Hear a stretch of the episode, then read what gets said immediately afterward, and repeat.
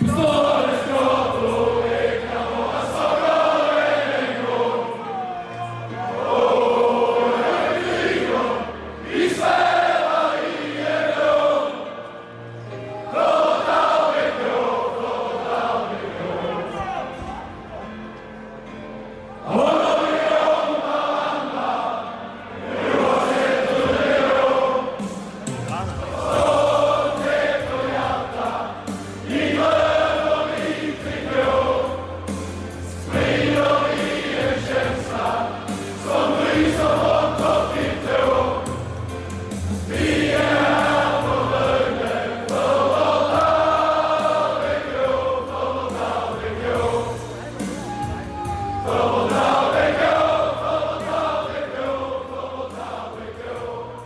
vi drar igång dagens avsnitt, som vanligt glöm inte att följa poddens sociala kanaler. Heter Akta Fans Podcast och finns på Instagram och Twitter. Och vill ni så får ni även följa min privata Instagram och Twitter. Där heter jag Jalle Hindersson i ett ord på Instagram och Discodirektören på Twitter. I en liten by utanför Ängelholm så startades det en bandyklubb för att de lokala förmågorna skulle kunna ägna sig åt idrott. 1950 startade hockeysektionen som snabbt växer ur sin by och flyttar till Ängelholm. Rögle är en klubb som varit en jojo i seriesystemet, men med en levande och för hockeyn väldigt annorlunda supporterkultur. Idag pratar vi om den engelskt inspirerade supporterkulturen där man helt tagit bort flaggor, tifon, trummor och så vidare från sina läktare. Vi pratar om ett kompisgäng som gått på matcher tillsammans länge och som fick feeling och styrde upp ett box och vann. Vi pratar om hur dagens gäst var avstängd på en avgörande match, så han chansade, rakade huvudet och gick på match. Vi går igenom en hel del bortamatcher. Vi pratar om piketbuss med bruten arm och vi pratar om den illa omtyckte säkerhetschefen som gick i krig mot egna supportrarna. Vi har pratat om detta länge, så äntligen välkommen till Äkta Fans Podcast, Sibbe! Tack så mycket. Tack så mycket. Hur är läget med dig? Det är bra. Det är bra. Lite nervöst. Det är första gången jag poddar som sagt, men eh, det är bra. Ja men eh, härligt, det var, ju, det var ju också i början så att man, man, man vänjer sig, så är det, så är det. Men jag tänker att vi, vi börjar rätt ände. Berätta lite om din eh, supporterresa, hur du hittade Rögle. Ja, det var ju som, som för många andra så var det ju farsan som, som tog med mig på matcherna när jag var liten. Och sen så började det med att jag började gå själv och hittade mina egna vänner där ute liksom, som redan, som redan var där. Alltså vad pratar vi årmässigt? Hur länge sedan är det? Min pappa började ta med mig 2005, 2006. Och då var jag 6-7 år. Okej, Eh, okej. Och sen så började jag gå själv när jag var väl 8 ungefär, 9. När du gick själv på matcher så ung alltså? Ja. Okej. Ja, det är ovanligt, så är det. Jag tänker att det, det vi ska prata om idag, det är ju Rögle och det, det, det jag tänker att vi så här direkt ska, ska studsa in på är ju eh, ni har ju en ganska annorlunda supporterkultur egentligen i Rögle om man jämför med många andra hockeyklubbar. Det är mycket hockey när det är ju det är liksom jippoaktigt för mig i alla fall, men, men ni har valt att liksom Ja men den engelska stilen. Berätta lite så här, om vi börjar och berätta vitt och brett sådär. Ja, precis. Det stämmer. Eh, det har ju aldrig, det har aldrig riktigt varit aktuellt för oss att ha trumma och, och viftflaggor och klappor och sånt som, som väldigt många andra SHL-klubbar har. Utan det har alltid varit en inspiration från England som har styrt liksom. eh, Med att det bara ska vara, det ska bara vara sång eh, som gäller. Och Mm. det kom ända sedan, sedan supporterföreningen startade egentligen då 1989. Ja, De har ju ett Angel Island Army, visst stämmer det? Precis, det stämmer. Det är ett, eh, ja, det, det är ett ruggigt namn. eh, Alltså, jag vet inte, när jag läste Angel Island Army så bara så här. Jag har inte riktigt bestämt mig om det är ett ascoolt na- namn eller om det är eh, liksom ett töntigt namn. Jag vet inte riktigt. Vad, vad säger du? Nej, Angel Island, det kommer ju från, från Ängelholm då, Jo, på engelska. Ja, Ja, med det. Det var ju, det var ju väldigt, de hade ju väldigt hårt rykte för, Mm. för många år sedan. Det var, det var ett väldigt stökigt rykte de hade liksom. ja. Ja, men det är många. Bara kolla Black Army till exempel i AIK-led, det är väl samma. Det kommer ju från, jag vet att AIK tog, det, tog Army från Red Army som är United, Manchester United tror jag. Ja, precis.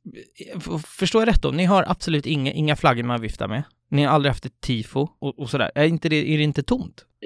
Jo, det, det är klart att man har tänkt tanken att det hade varit, det hade varit fräckt att ha tifo någon gång då och då. Eh, men vi, vi har aldrig haft det hittills i alla fall.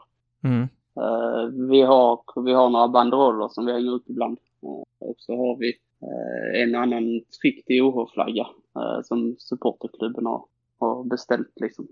Okej. Okay.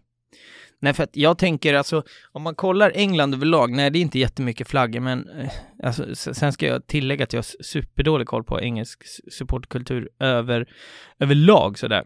Men jag vill minnas att tittar du på typ ett Anfield i Liverpool eller, eller sådär så det är väl en del flaggor där från, från eh, klacksektionen, eller? Ja, nu för tiden tror jag väl det lite mer än vad det var då när de, när de började med att ta in hela den typen av kultur. Eh, alltså då på 80-90-talet ungefär. Ja, ah, okej, okay, okej. Okay. Och ni har ju också, det, det, ska tilläggas, ni är enda arenan i hela Sverige som har förbud mot eh, trumma. Alltså, får man ens göra så för det första? Ja, tydligen. Uh, det stämmer. Det, jag, jag, jag vet ingen annan arena som, som faktiskt har ett trumförbud. Men det var väl det enda positiva som vår förra säkerhetsansvarig faktiskt gjorde. Ja, vi kommer komma in på honom också. Han verkar vara riktigt stökig här i det där. Men eh, hur, hur brukar borta supportrarna? Nu vet jag inte. Man har väl inte jättemycket kontakt med dem, men de lär ju bli svingriniga om de bygger mycket av sin grej på liksom runt en trumma och sådär. De lär ju vara supersura, tänker jag. Jag tror att de flesta, jag tror att de flesta har eh, vant sig eh, och köpt, köpt det liksom. Men, eh, men det, skulle inte bli förvånad om det har blivit en del diskussioner utanför bortastående någon gång. Mm. Men jag tänker så här, vad händer om Ponera att vi har, alltså steg ett så här, säljs det flaggor i, i, i typ shoppen? Alltså souvenirer sådär? Det säljs väl en sån fasadflagga som man kan hänga utanför ja. huset. Okej. Okay. Men vi säger att jag är 15 eh, bast och ska, ska börja gå på Rögle och kommer in med en flagga. Vad händer liksom i klacken? Går ni plocka ner dem eller alltså hur funkar det faktiskt. För att alltså jag är uppväxt med, med någonting helt annat. Det är liksom så, här, så mycket flaggor, halsdukar, liksom tifon och sånt. Jag, jag bara försöker förstå här, för jag tror att det här är ju jätteunikt. Nej, jag skulle inte säga att någon går och tar det så, utan det är väl mer när folk börjar ställa sig i klacken så infinner de sig att det, det är inte flaggor och trummor och sånt där. Mm. Ja, jag fattar. Men kan man inte, Alltså saknar man det inte då? Kan du inte känna så här, fan vad häftigt det var, du är ändå, har varit engagerad och är väldigt aktiv. Kan man inte sakna och liksom så här, fan vad coolt det hade varit att ha flagghav eller få måla tifon eller, man missar ju en väldigt stor del utav liksom supporterkulturen tänker jag. Just, just viftflaggor har jag inte, har inte känt att jag har saknat sådär. Eh, men att måla någon, någon stor fet OH-flagga hade man inte, hade man inte tackat nej till faktiskt. Nej, och jag tänker du, du rätta mig om jag fel, du klassificerar väl dig själv som en ultras, inte sant? Ja, precis. Mm. Lite, lite åt det hållet i alla fall. Mm. Och där är ju väldigt, i alla fall fotbollen, mycket tvåpins och sånt där. Alltså vifflagg köper jag, men typ en, en tvåpin eller, eller någonting sånt. Jag, jag, bara, jag tycker det här är sjukt spännande. När vi pratade lite inför avsnittet så var det så här, fan vad alltså för mig, jag får inte in det riktigt. Nej, det är ju det är lite, det är lite speciellt, det är det ju. Uh, jag personligen har inget emot flaggor och så i sig, utan jag tycker, ja, man, man har väl köpt hela tankesättet som finns på läktaren redan, alltså som fanns på läktaren redan när man började gå. Men hur går diskussionerna internt? Det är bara så här, ni, ni älskar det ni gör och på det sättet och så ska det fortsätta vara, eller? Ja, precis. precis. Mm. Det, det förs inga diskussioner om att börja med flaggor och liknande nu. Eh, och du tillhör ju en, en gruppering, kompisgäng, eh, som heter Green Front. Eh, va, om vi börjar där då, va, vad är ni för typ av gruppering skulle du säga? Jag säga att vi är ett kompisgäng egentligen, som hittar varandra på matcherna liksom. Någon kände, någon kände någon annan sedan tidigare, eh, men i grund och botten så lärde vi känna varandra på, på hockeyn. Hela anledningen till att vi startade som en grupp, liksom, det var ju att vi ville, vi ville ha lite mer att säga till om på läktaren. Och eh, vi kände inte riktigt att just supporterföreningen alltid förde fram vår åsikt. Liksom. Vill, ville ni vara så här, vi vill ha en ultrasgrupp och därifrån så kommer mm, byggs ni liksom? Alltså ni ville bidra med andra grejer, för jag tänker att alltså många avsnitten vi har haft tidigare, då har det känts som så här, det fanns en, en supportergruppering eh, och sen ville man ha typ banderoller eller tifon och därav så startar sidogrupperingen. Men i, i ert fall så är det ju inte så eftersom ni inte har det närvarande på era läktare så där. Så det är som, ni, ni ville ha mer att säga till om om, om vad? Förstår du, vad, förstår du frågan då? Ja, um, alltså det var väl mer lite, lite allmänt åsikter mot, alltså som vi ville framföras till klubben mm. också. Uh, inte, bara, inte bara hur vi ville att det skulle vara på läktaren. Tyckte vi att det var en bra, det var en bra tanke att starta en egen liksom, gruppering som mm. ändå inte är en gruppering i den bemärkelsen. Mm, jag fattar. I, I dagsläget då, vilken roll har ni på, på er läktare skulle du säga? skulle inte säga att vi har någon speciell roll så, utan det är väl mer att vi, vi är en aktiv gruppering som, uh, lite, som blir lite av en motor på läktaren. Kanske. Vad sa du, en motor? Ja, precis. Så ni är väl de som, som håller det levande och får snurr på det, kort sagt, eller? Ja, precis. Ja, hur länge har ni funnits förresten? Sen 2015. Sen 2015, okej, okay, då fattar jag. N när vi skrev eh, lite inför och sådär, så, så, så, du skrev en bara en så här rolig detalj i, i förbifarten. 2017, så ni, ni får feeling här av att ni testar ju fram i ert supporterskap och bara styr upp ett box mot eh, vad jag antar är HV. Berätta. Det var, det var egentligen inte HV, utan det var egentligen Jönköping Södra. Ah, okej, okay, okej. Okay. Sen, sen kanske det är lite, det, det kan vara lite samma folk. Uh, det har jag inte helt hundra koll på. Mm. Men det, var, det, blev, det blev Jönköping Södra som... Be, berätta om det. Ja, nej, vi, jag vet inte riktigt hur vi, hur vi ska förklara utan det var mer att vi, vi kände att vi ville, vi ville gå ett box och så fick vi kontakt med, med Jönköping då och de var sugna. Och då blev det att vi, vi möttes och, eh, och så vann vi. Mm. det lät, för det, för det var det som var min, eh, min, min känsla här att, ja men att ni bara, här, vi testar det här på, på kul typ sådär. Ja men lite, lite så var det, det var lite nyfikenhet eh, också inblandat i det det, det som är grejen med, med, med dig också, som jag tänker att vi ska lägga lite, lite fokus här på, är att du håller faktiskt på, på två olika lag. Ett i fotboll och ett i hockey. Berätta. Ja, uh, det, det, är ju både det är Rögle i hockeyn och så är det fotbollen, uh, Helsingborgs IF. Varför och hur, hur kommer det sig så att säga? Helsingborg, det var ju lite samma med, med Rögle där, att pappa tog med mig på fotbollsmatcher. Och sen så började jag gå själv lite när jag var lite äldre. Eh, mm. För jag, jag är uppväxt i Ängelholm. Så, att, så det, har, det, har inte blivit, det har inte blivit att jag kunnat åka in till Helsingborg när jag var riktigt liten. Eh, eller när jag var yngre så. Ja, jag fattar. Eh. Hur långt är det mellan Helsingborg och Ängelholm? Med tåg så tar det väl en 25 minuter ungefär. Ja, Okej, okay, men det är ganska nära. Men be berätta, alltså för mig, som jag har ju den fördelen att mitt kära lag finns ju i, egentligen i varenda sport man kan tänka sig sådär. Eh, just det här med att heja på två olika eh, klubbar, det är ganska tabu hos många.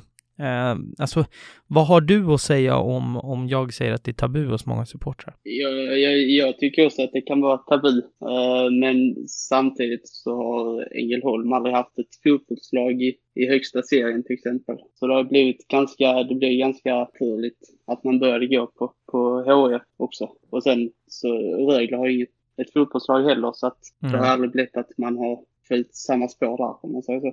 Ja, jag fattar. Nej, men för, för mig till exempel som det första jag gjorde när jag var 18 var att tatuera AIK på bröstet. Alltså för att det är min klubb. Det är, jag älskar AIK liksom. Men det blir ju svårt om man ska göra samma sak om man har två klubbar. Alltså förstår du hur jag menar? Ja, jag förstår vad du menar. Det är ju det är många från hockeyn som inte är intresserade av fotboll och tvärtom mm. också. Så det, det har inte varit det har inte varit något automatiskt att håller man på Rögle så håller man på HF. Utan det är många som inte alls är intresserade av fotbollen som går på hockeyn. Och ja. många som inte alls är intresserade av hockey som går på fotbollen. Ja, fattar. Och vad, vad kommer det ifrån, förutom att ni, är det bara därför att ni ligger nära varandra som, som den är så vanlig? För som jag fattat det, det här kan du bättre än vad, vad, jag kan, men det var ju någon, någon arena som brann ner och man fick spela i, inne i Helsingborg eller, ja, berätta det där du. Ja, eh, det var ju på 60-talet så brann Rögles arena ner. Eh, Rögle hade byggt en, en arena i utkanten av Ängelholm. Mm. Eh, men så, så brann den ner och då hade man ju ingenstans att spela. Så då fick man flytta matcherna till Helsingborg. Och det var ju där, det var egentligen där många, många helsingborgares intresse för Rögle väcktes. Nej, okej. Okay. Spelade väl en eller två säsonger i Helsingborg där och sen flyttade man tillbaka och då följde ju många helsingborgare som då hade fått typ ögonen för det, följde med in till Ängelholm och fortsatt kolla på matcherna. Och så har det, så har det fortsatt generationer. Ja, okej. Okay. Ja, men det är väl, ja, jag fattar, jag fattar. Och, men, men om man säger så här, sociala medier och sådär, vad, vad säger folk? Får man mycket gliringar? Jag vet, om, om vi bara tar ditt, ditt Twitterkonto eh, till exempel. Där står det eh, Rögle bandyklubb och, eh, och Helsingborg. Eh, liksom i, i, vad säger man, bion heter det va? va får, får man mycket liksom gliringar och sånt där om det? Ja, jag har faktiskt inte märkt av det så mycket. Uh, jag, tror att, jag tror att man har lättare för att få det ifall man håller på lag som är geografiskt väldigt långt ifrån varandra. Mm, uh, rimligt. Att det kan vara svårt för en utomstående att förstå. Mm. Men, men jag, jag själv har inte fått så mycket gliringar faktiskt. Nej, nej alltså det, för, för det jag tänker på i, i, i Stockholm så är det mycket så här, mycket skämtsamt om Leksand och Bayern till exempel. Eh, det har vi pratat ja. om tidigare i podden också. Och det anledning till att jag vill ta upp det är för att mitt geografiska kunnande om, om Skåne, ska jag vara ärlig och säga, är inte det bästa som finns i det här landet. Och alltså klubbtillhörigheter och, och, och, och, så vidare. Så att anledningen till att jag frågar, för när jag läser detta så blir det ju litet så här Bayern Leksand läge på det hela. Och det är därför jag ja. vill, eh, vill, vill, ta upp det. Men då, precis som du säger så, så blir det ju i och med att det är geografiskt så, så, så nära liksom. Men kul om inte annat, då har du ju idrott att gå på året om liksom. Ja men precis. Det blir, det blir lite så att jag började gå på hockeyn och och sen så på sommarna så hade man ju inte jättemycket att göra så då blev ju då blir det fotbollen. Och det är ju lite med eran arena här, ah, är ju ganska speciell. Som jag fattat så, eran, när arenan byggdes om så, så byggde man den på, man rev den som fanns och använde grunden till att bygga en ny, eller berätta där, vad, jag fattade inte riktigt när jag läste om det. Då när man byggde upp den gamla hallen efter, efter att den första hade brunnit ner mm. så hade man ju den fram till och med säsongen 2007-2008. Så den arenan var ju 40 år ungefär. Mm. Uh, och då kände man ju att man behövde, man behövde ha något nytt. Och samtidigt så gick Rögle upp så det var ju begränsat med tid för att arenan som fanns då i Helsingborg den kunde man inte spela SHL-hockey. Mm. Så då blev det att man rev skalet, eller rev arenan, men, men lät, uh, lät själva betonggrunden stå kvar. Ah, okay. Uh, och så byggde man upp en ny arena med samma betonggrund fast man la på några, några steg liksom. Mm, jag fattar. Så att egentligen så arenamässigt så har den alltid legat på samma plats fast det är två olika arenor? Alltså, det är väl så som jag förstår det. Ja, det, det, den första arenan som branns ner, den låg inte på riktigt på samma plats. Ja, det blir ju det blir tre arenor som vi pratar om. Den första brinner ner, man bygger en ny, som man sen har rivit Precis. och byggt ytterligare, ja, så det blir tre. Ja, men då, då fattar jag. Vi ska... Sen, sen nu, så, ja, sen nu så håller man ju på att renovera den igen. Uh, men då bygger man en ytterligare våning ovanpå. Ja, okej. Okay. Uh, eh, arenan för att förra säsongen så hade vi väl, jag tror det var 91 eller 97 procents beläggning sett över hela säsongen. Det är ruskigt bra. Det måste vara bäst i hockey-Sverige va? Jag tror det. Mm, det låter, det är ruskigt fina siffror. Då kan man ju som sagt, de sista få procenten är ju kanske platser som inte är så jävla sexiga att ha med för att få slänga iväg en vild gissning. Du, vi ska hoppa in på dagens första segment rätt eller snett. För er som inte vet vad det här är för eh, segment så, så är det egentligen ett påstående eller en fördom som jag har. Eh, och sen får du eh, bedöma om jag är rätt eller snett på det. Jag ska bara, en liten kort förklaring innan. Jag har följt dig på Twitter ett tag, vi har eh, pratat om podden och, och jag har liksom sett vad, vad, du har twittrat och så vidare, så att av det så grunnar jag mycket av min rätt eller snett. Får vi se om jag är rätt eller snett på det. Du är en människa som gillar att härja och supa och en stor del av ditt supporterskap handlar om att eh, få göra just det. Rätt eller snett? Där är, du, där är du rätt. Där är du väldigt rätt faktiskt. Det har varit sett fram emot mest samband med hockeyn sedan jag var typ 16 egentligen. Jag har alltid känt eh, folk som är lite äldre än vad jag är. Mm. Som jag börjar hänga med på hockeyn. Då blev det att jag söp med dem innan matcherna och jag söp med dem efter matcherna. Uh, och det började när jag var runt 16 ungefär. Så då var det en längtan efter eh, bortamatcher som fick dig och liksom intresset växte eller? Ja men precis, såklart. Mm. Bortamatcher har varit en viktig del. Liksom. Mm, mm. Uh, och vi kommer faktiskt, vi ska direkt gå in på det segmentet. Vi ska in på away days, uh, men vi utökar away days uh, lite och klämmer in några minnesvärda hemmamatcher också, så jag vet inte, jag har inte kommit på något catchy namn för away days och eh, liksom hemmamatcher. Men så, så, ni förstår så, så kommer vi ta det i ett eh, eget kluster så att säga. Först har vi två hemmamatcher jag tänker att vi ska prata om.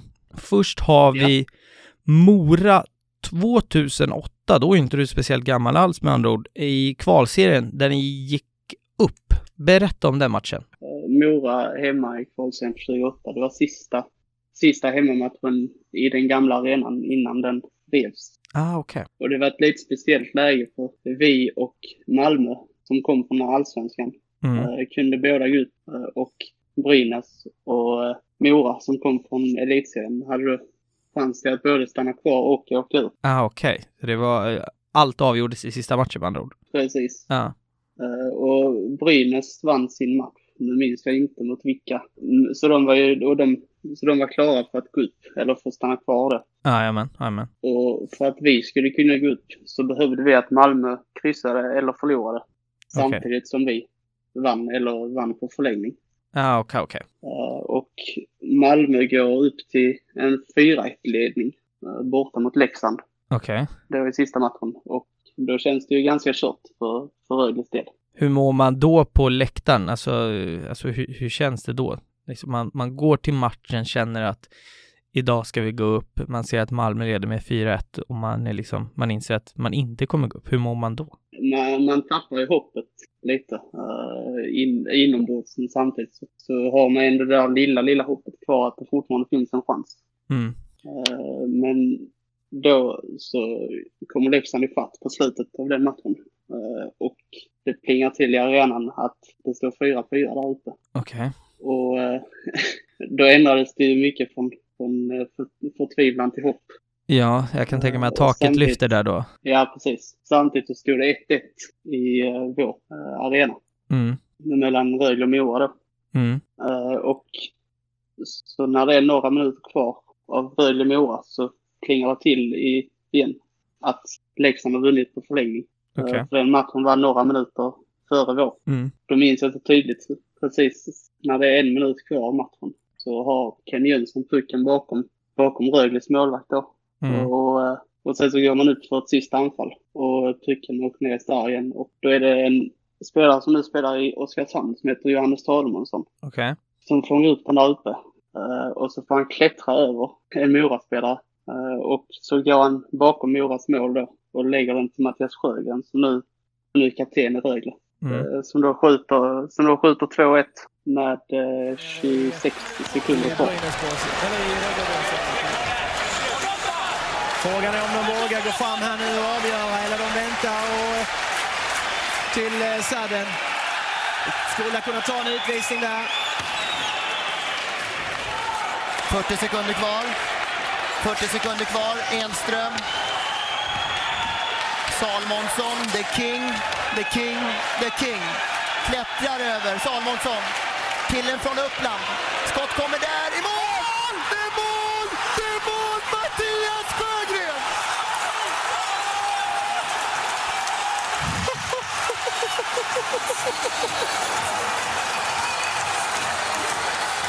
Klockan går 19.34.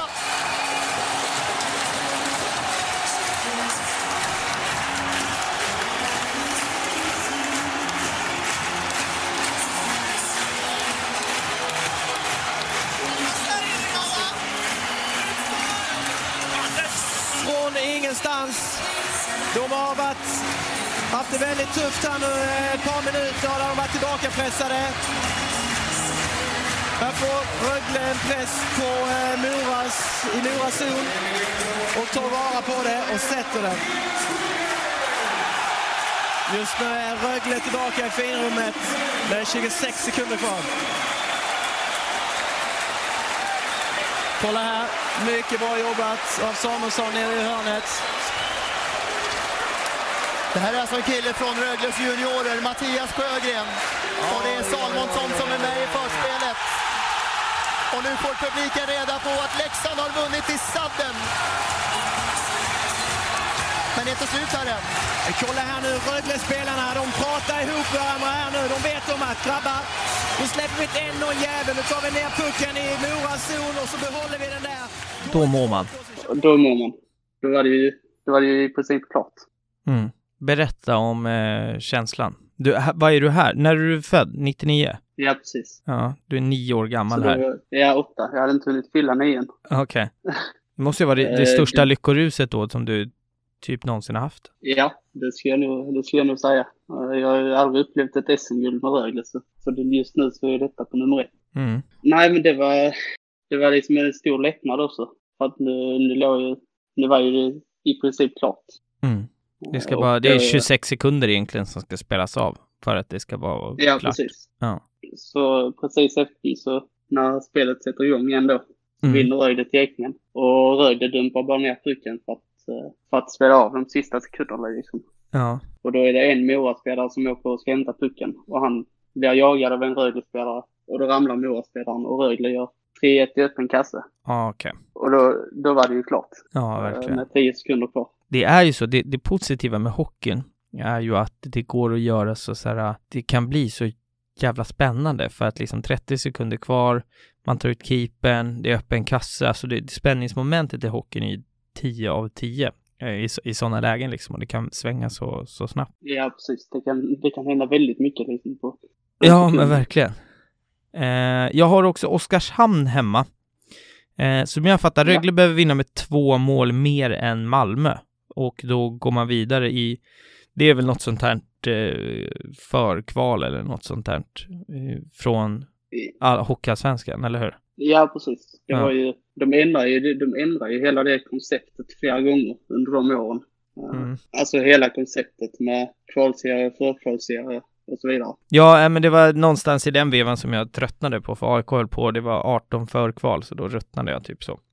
Men berätta Ja, men om eh, precis. den här Oskarshamnsmatchen. Eh, Jag vet att Rögle behövde då vinna med, med två mål mer än vad Malmö gjorde i sin match. Mm. Eh, Och eh, Malmö vann den matchen med, med 4-1. Och kände, och den matchen var också lite före Rögles. Eh, Och då kände väl Malmö lite att det här klarar vi. Men eh, Rögle, framförallt andra och tredje perioden, så, så spelar man en så fantastisk anfallshockey. Eh, Och eh, går ju går till 7-0 eh, mot Oskarshamn då hemma. Ja. Det betyder att Rögle var, att Rögle skulle gå vidare till kvalserien.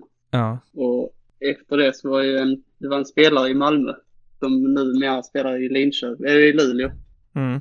som heter Linus Klasen. Han, Ja, var, han han var ju inte alls, Till och med jag till. Ja. ja, han var, han var inte alls nöjd med det. Så han gick ut i Sveriges Radio och sa man kan inte åka till Ängelholm och förlora med 7-0. Eh, det, det händer inte. Och sen så kallade han Oskarshamn för ett gäng horor. Oj. Ja, då är man grinig. Det känns också som ett riktigt sur hockeyspelare-uttalande på något vänster. Ja, precis. Ja, det var ju i direktsänd radio så att Ja, eh, svårt att klippa Det bort liksom- direktsändning. Ja, det blev ganska, vad ska jag säga, det är ett ganska igenkänt uh, uttalande.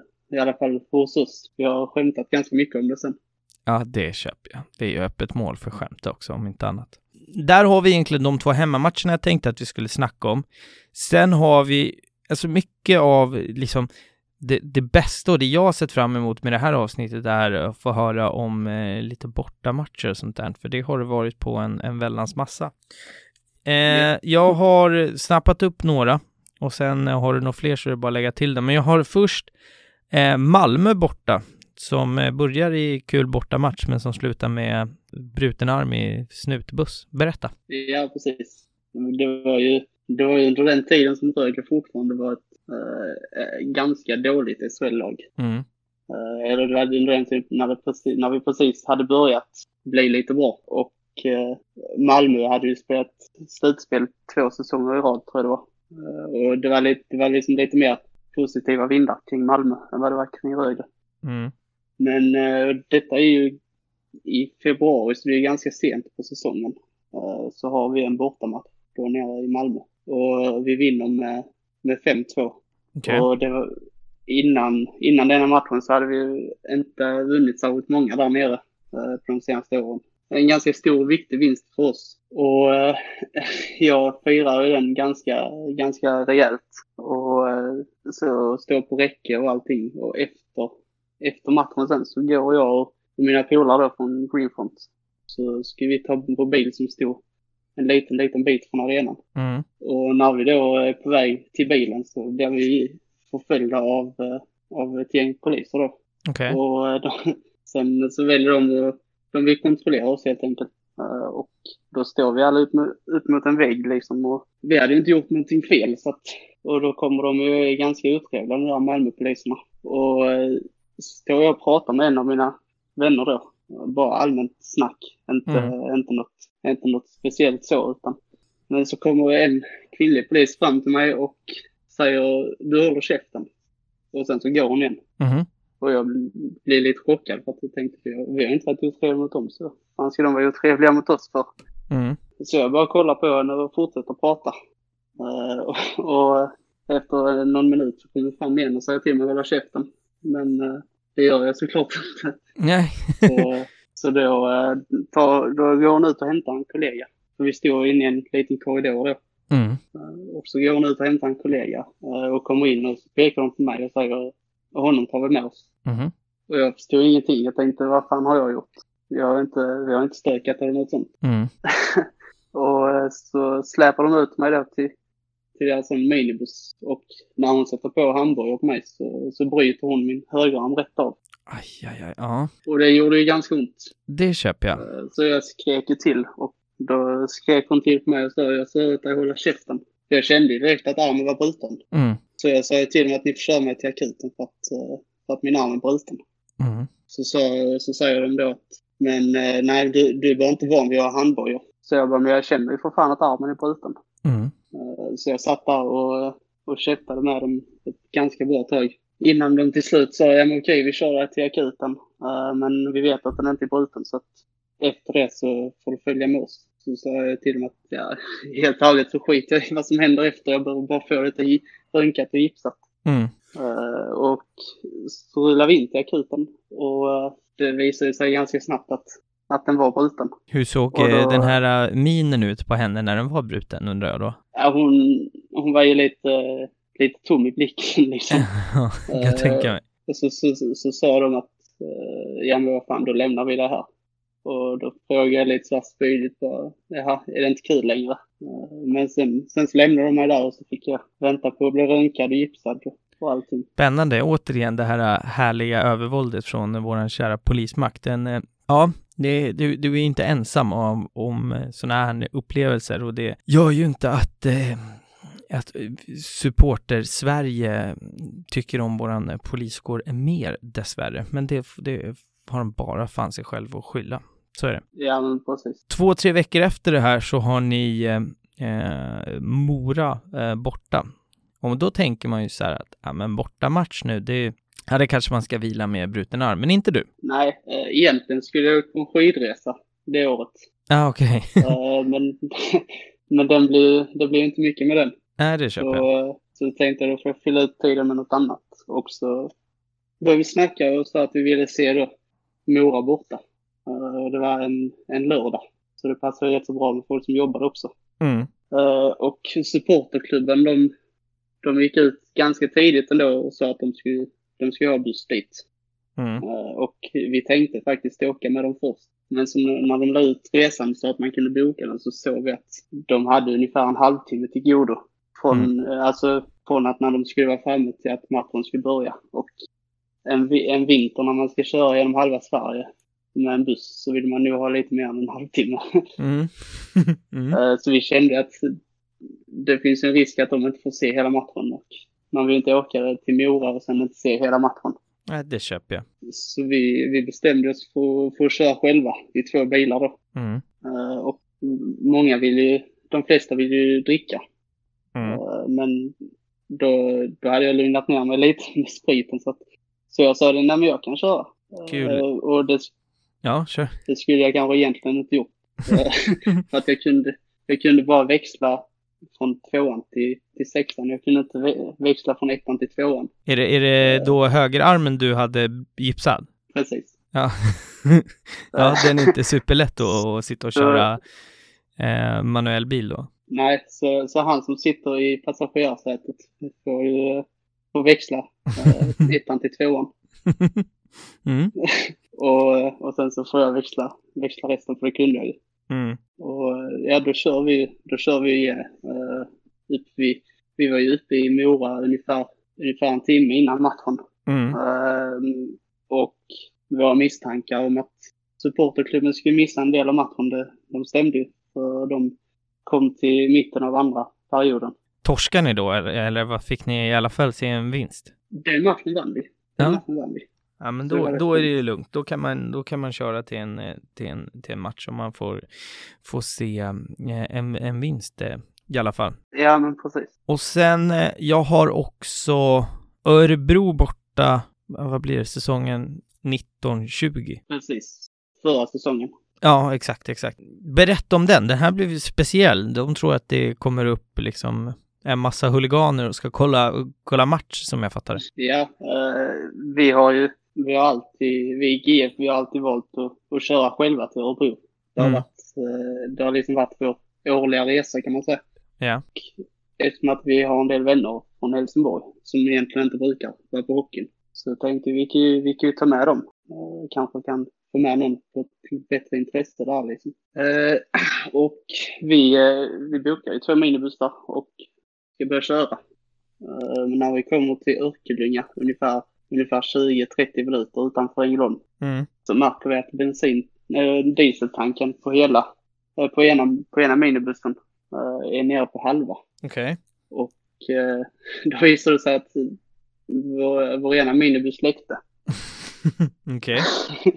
Så vi får ju köra tillbaka med ena minibussen och byta den mot en annan. Och samtidigt som det händer så ringer supporterpolisen från Helsingborg som, som brukar vara på Rögles matcher då. Mm. Så ringer han och säger att han, han är i Örebro och polisen där har fått för sig att vi kommer upp med en storbuss med, med huliganer och ska storma en träningsmatch som deras fotbollslag har. Okej. Eh, Och det var, det var en träningsmatch som de hade mot Linköping. eh, Okej. Av alla lag. Mm. Och vi hade ju, det var ju aldrig vår tanke först och främst. Nej. Eh, Vi hade ju inte ens en aning om att den matchen skulle spelas. Så vi, de hade ju, polis där ute hade ju klassat den matchen som, som ett Stockholmsderby. Så de hade ju förberett sig med hästar och, och kravallpoliser och allting. Örebro-Linköping i träningsmatch inför säsongen 2020 alltså. Ja, Mm. de, hade, de förväntade sig att vi skulle storma den. Så Men det var inte planen. Nej, nej, det var inte planen. Eh, Så vi sa ju som det var. Nej, vi, vi hade inte tänkt storma någon fotbollsmatch. Dessutom så har vår ena minibuss gått sönder som vi, så vi ska köra och byta den nu. Så vi kommer upp precis, precis till matchstart liksom. Mm. Så då när vi kom upp där så, så stod det ju hur mycket poliser som helst. Eh, Men eftersom att vi hade lovat att vi skulle direkt in till matchen så, så löste de parkeringar till oss precis utanför bortastå istället. Ja, okej. Eh, Så det slutade ju det slutade ganska bra, men hade vi inte haft kontakt med han, supporterpolisen innan, mat- alltså i- innan vi kom upp så hade, det, så hade de ju antagligen stannat oss direkt när vi kom in till Örebro och, fått för sig en massa.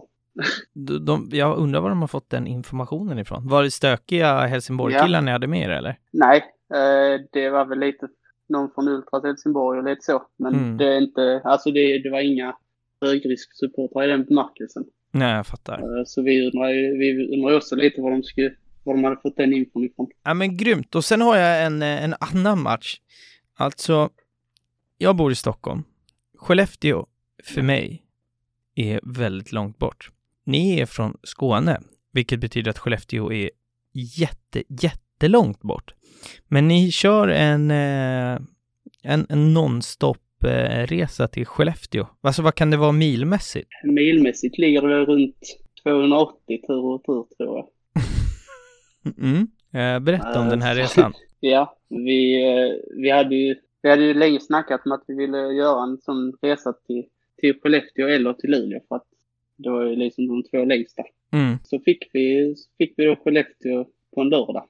Klockan 18 dessutom, så vi tänkte att det är bra för då behöver vi inte köra sådär jättetidigt på fredagen. Mm. Och vi alla ska ju ut på jobba sen på, på måndagen igen så att vi tänkte inte stanna där någon längre tid.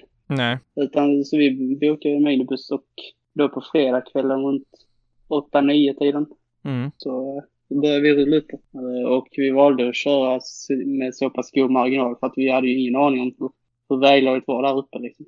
Nej. Eh, så, men vi, vi kör hela natten och eh, är framme då vid lunch, sen lunch eh, på lördagen. Mm. Fördriver lite tid genom att sätta oss på O'Learys bland annat tror jag det var. Mm. Och där vi träffade några andra Rögle-supportrar som bor längre upp. Mm. Som vi inte, vi hade ingen aning om att de skulle komma dit men vi, vi chansade. Mm. och, så, och sen så ser vi då matchen. Eh, den är slut vid, eller den är slut vid åtta, halv nio tiden ungefär. Mm. Och eh, det som är sög riktigt mycket med den resan det var att Rögle tappade allt på typ fem minuter i slutet. Vi hade, vi hade en 2-1-ledning tror jag Mm. och, eh, och fick eh, och drog på oss två väldigt billiga utvisningar. Och då gjorde ju såklart Skellefteå, de både kvitterade och till ledning. Fy fan vad segt. Så ni hade alltså då, åkt då var det, 140 mil, askul resa, ni ser ert lag, leder, ni tänker vi får med oss tre pinnar, tappar det i slutet och sen 140 mil hem med en torsk i bagaget. precis. Det, det var en av de jobbigaste hemresorna jag någonsin haft faktiskt. Ja. Men alltså vad, vad, vad tar det enkel resa att köra? Ängelholm-Skellefteå? Alltså om ni åker nio på kvällen och är framme, ja, 14, ja 15-16 timmar typ. Ja, vi, jag tror vi räknade, alltså enligt, enligt Google Maps så skulle det ta runt 14 timmar ungefär. Mm. Men vi stannar ju på, alltså vi, vi hade ingen stress upp utan vi, vi stannar på lite olika ställen. Eh, Bland annat så kör vi upp på Varvsberget i Örnsköldsvik. Det är ju fantastiskt fint. Mm. Lite sightseeing också, det är ju alltid något. För vi tänkte ju, om vi ändå kör förbi, alltså motorvägen går ju rätt igenom Örnsköldsvik. Mm.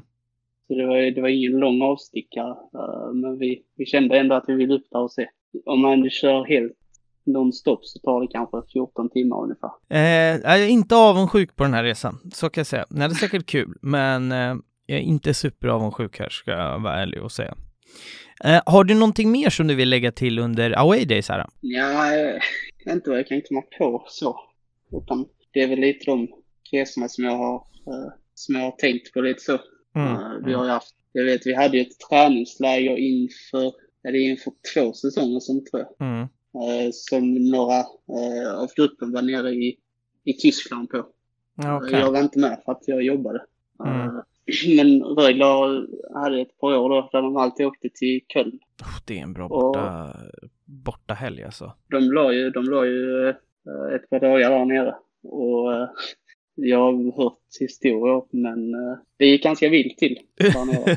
ja.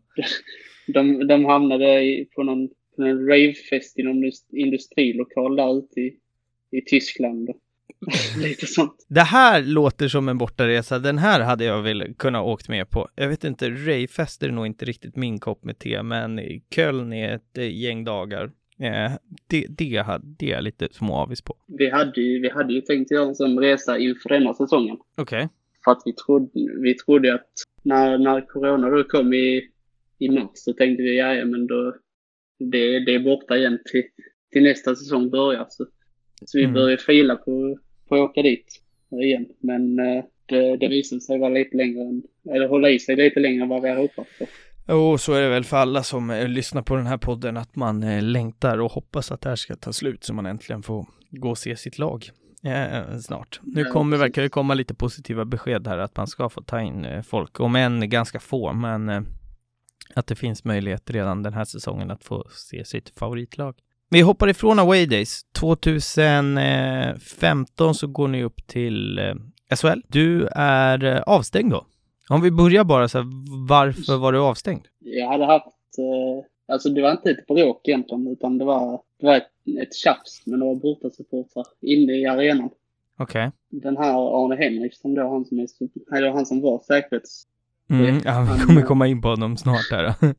Ja, han, han hade inget emot att kriga mot Rögles egna supportrar. Han delade, ut, han delade ut avstängningar lite som han själv kände för. Men vad då ni stod och diskuterade vid kiosken typ, eller vad då? Ja, det var en ganska het diskussion. Men, eh, men det, det var aldrig ett bråk i den bemärkelsen. Liksom. Nej, det gick aldrig Men över då- till fysiskt liksom. Nej, precis. Men då tyckte han ju att, att jag hade startat bråk inne i arenan. Okej. Och, eh, och då valde han att stänga av mig på obestämd tid. Obestämd också, den är fin. Ja, Eh, precis. och och detta, kom, detta kom alltså, eh, det här bråket, det var ungefär två, tre veckor innan, innan den här matchserien mot Västerås då, Mm. som vi gick upp i. Okej. Och jag kände ju, jag kände lite på mig då att jag skulle, att jag skulle bli avstängd, men jag hade ju absolut inte, jag var absolut inte säker. Mm. Så fick jag höra genom en polare som också hade varit med i den här diskussionen Mm. att han hade blivit avstängd. Han hade fått brevet hem. Och då tänkte jag att fan, då kommer jag också bli avstängd. Mm. Så då känner, tänker jag lite hur, hur fan ska jag göra för att se dessa matcherna? Mm. Så och jag, väljer, jag väljer att raka av håret då. Jag tänkte då känner han kanske inte igen mig. Och, och det, gick ju, det gick ju hyfsat bra ändå. Uh, för jag kom in i arenan trots att där stod vakter och, och bokstavligt talat letade efter mig. Mm. Eh, när jag kom in då. Eh, och ingen kände igen mig. Men sen i första periodpausen då, det var första matchen mot Västerås, Mm. så står ju Arne Henriksson då tre vakter uh, ovanför ståplats i när det blir paus och väntar på mig. Okej. hur, hur få ni kände du då när du stod där med rakad frilla och bara kände så här, fan. Nej, det kände jag var mer besviken över att jag inte fick se hela matchen. Jo, men det, det, det är lite det jag menar. Där står du och, och du har blivit, det är lite som tagen med, med liksom, vad säger man, skägget i brevlådan eller handen i kakburken. Han ser ju, han ser att det är du och han måste ju fatta direkt att du har försökt maskera det genom att raka frisyren liksom. Då måste man ju känna sig ganska dum, eller? Nej, jag känner mig inte dum. Jag känner mig mer att fan, var smart. Jag Ja, du fick i och för sig en period. Alltså det kanske du inte hade Precis. fått annars, så att, nej men det, ja, i och för sig rimligt. Ehm, och då tänker ju du så här att, jaha, jag är avstängd eh, här, men jag kan i alla fall åka till bortamatcherna. Precis, för smart som jag tyckte att jag var så eh, började jag googla direkt och så och kom fram till att han får inte stänga av mig från bortaresor utan han får bara stänga av mig från matcher där Rögle står som arrangör, alltså hemmamatch. Mm. Så jag tänkte att eh, fan vad bra, då åker jag på bortamatcherna liksom. Men eh, han, eh, han ringde upp mig en dag då och, och sa det att, eh, för, för då hade jag skickat till, till Rögles styrelse och sagt att den här avstängningen var felaktig och, och bett dem liksom att göra något åt det. Ja. Eh, vilket de såklart inte gjorde. Eh, men då ringde Arne upp mig då och sa att jag var avstängd från, från alla matcher, både hemma och borta. Och det fanns ingenting som styrelsen eller jag kunde göra åt det. Nej. Och då sa jag, nej men du kan inte stänga av mig från bortaresor så att eh, så jag ska, vad heter jag, ska upp till Västerås oavsett. Mm. Och då sa han, och då sa han, ja men jag har redan ringt och pratat med Västerås. De eh, kommer inte släppa in dig om du kommer upp där ute. Mm. Hur glad var du då, då när ni riktigt- var på väg att äntligen gå upp? Ja, då var jag, då var jag riktigt arg. Mm. Och för att han skulle vara helt säker på att jag inte skulle få för mig att åka upp där så fick han AIAs styrelse, alltså supporterföreningen. Mm. Han fick, mig att, han fick dem att stryka mig från, eh, från alltså resan som jag hade bokat mig på. Åh, fy fan. Surt.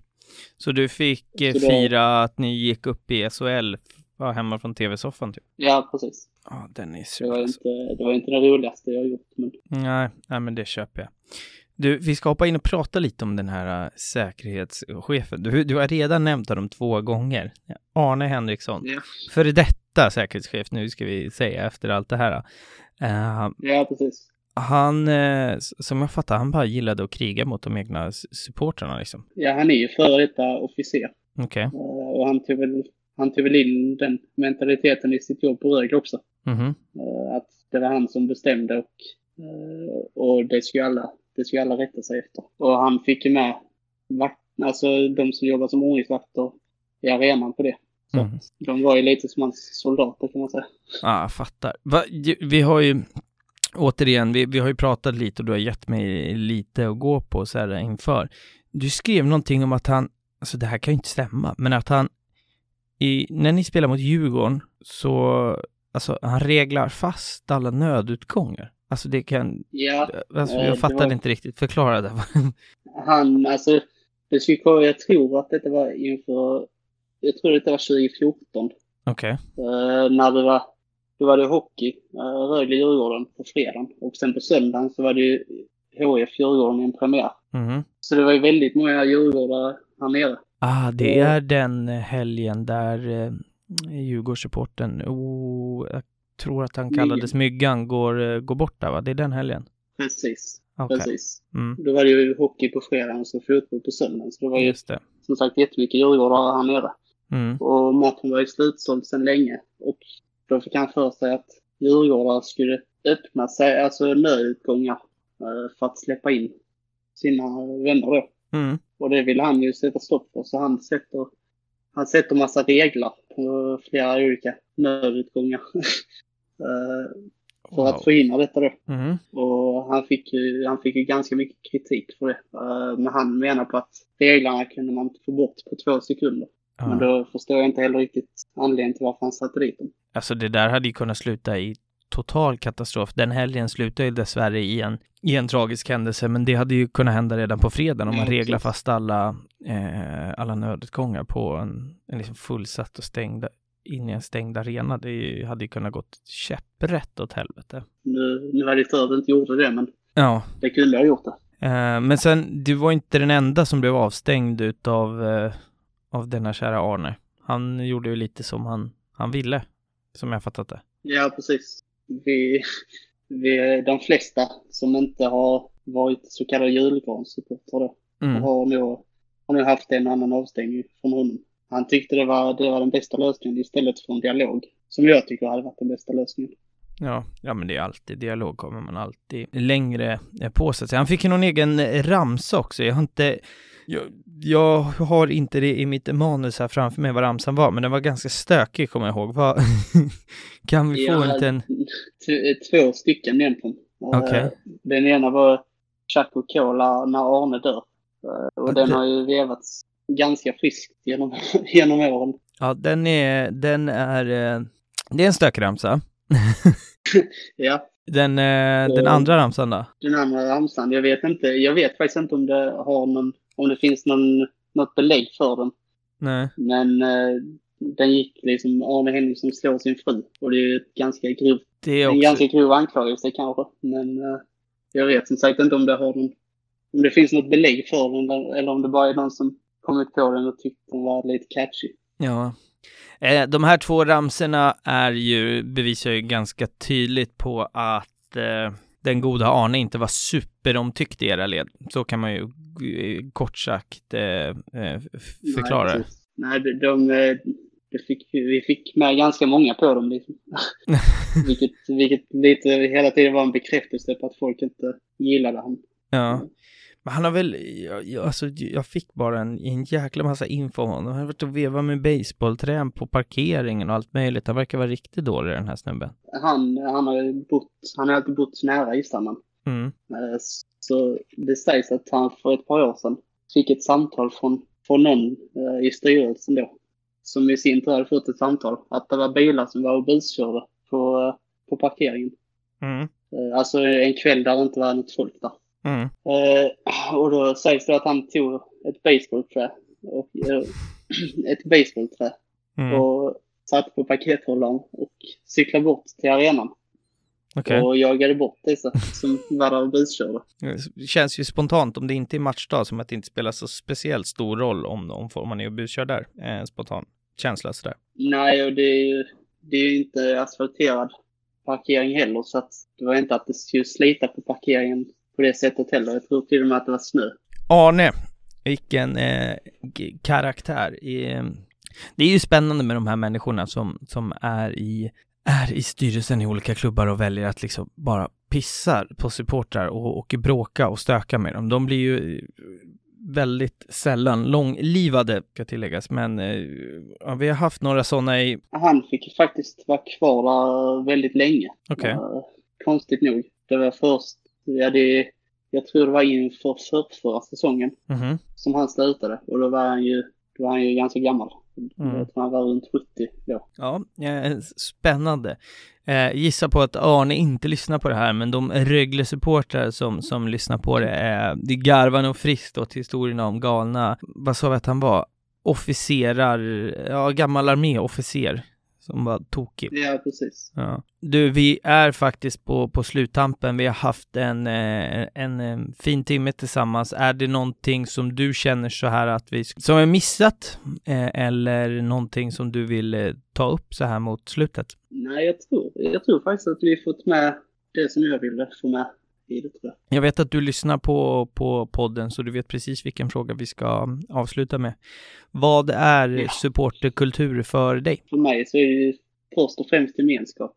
När man liksom hittar folk som är likasinnade. Jag brukar ofta använda det ordet, likasinnade.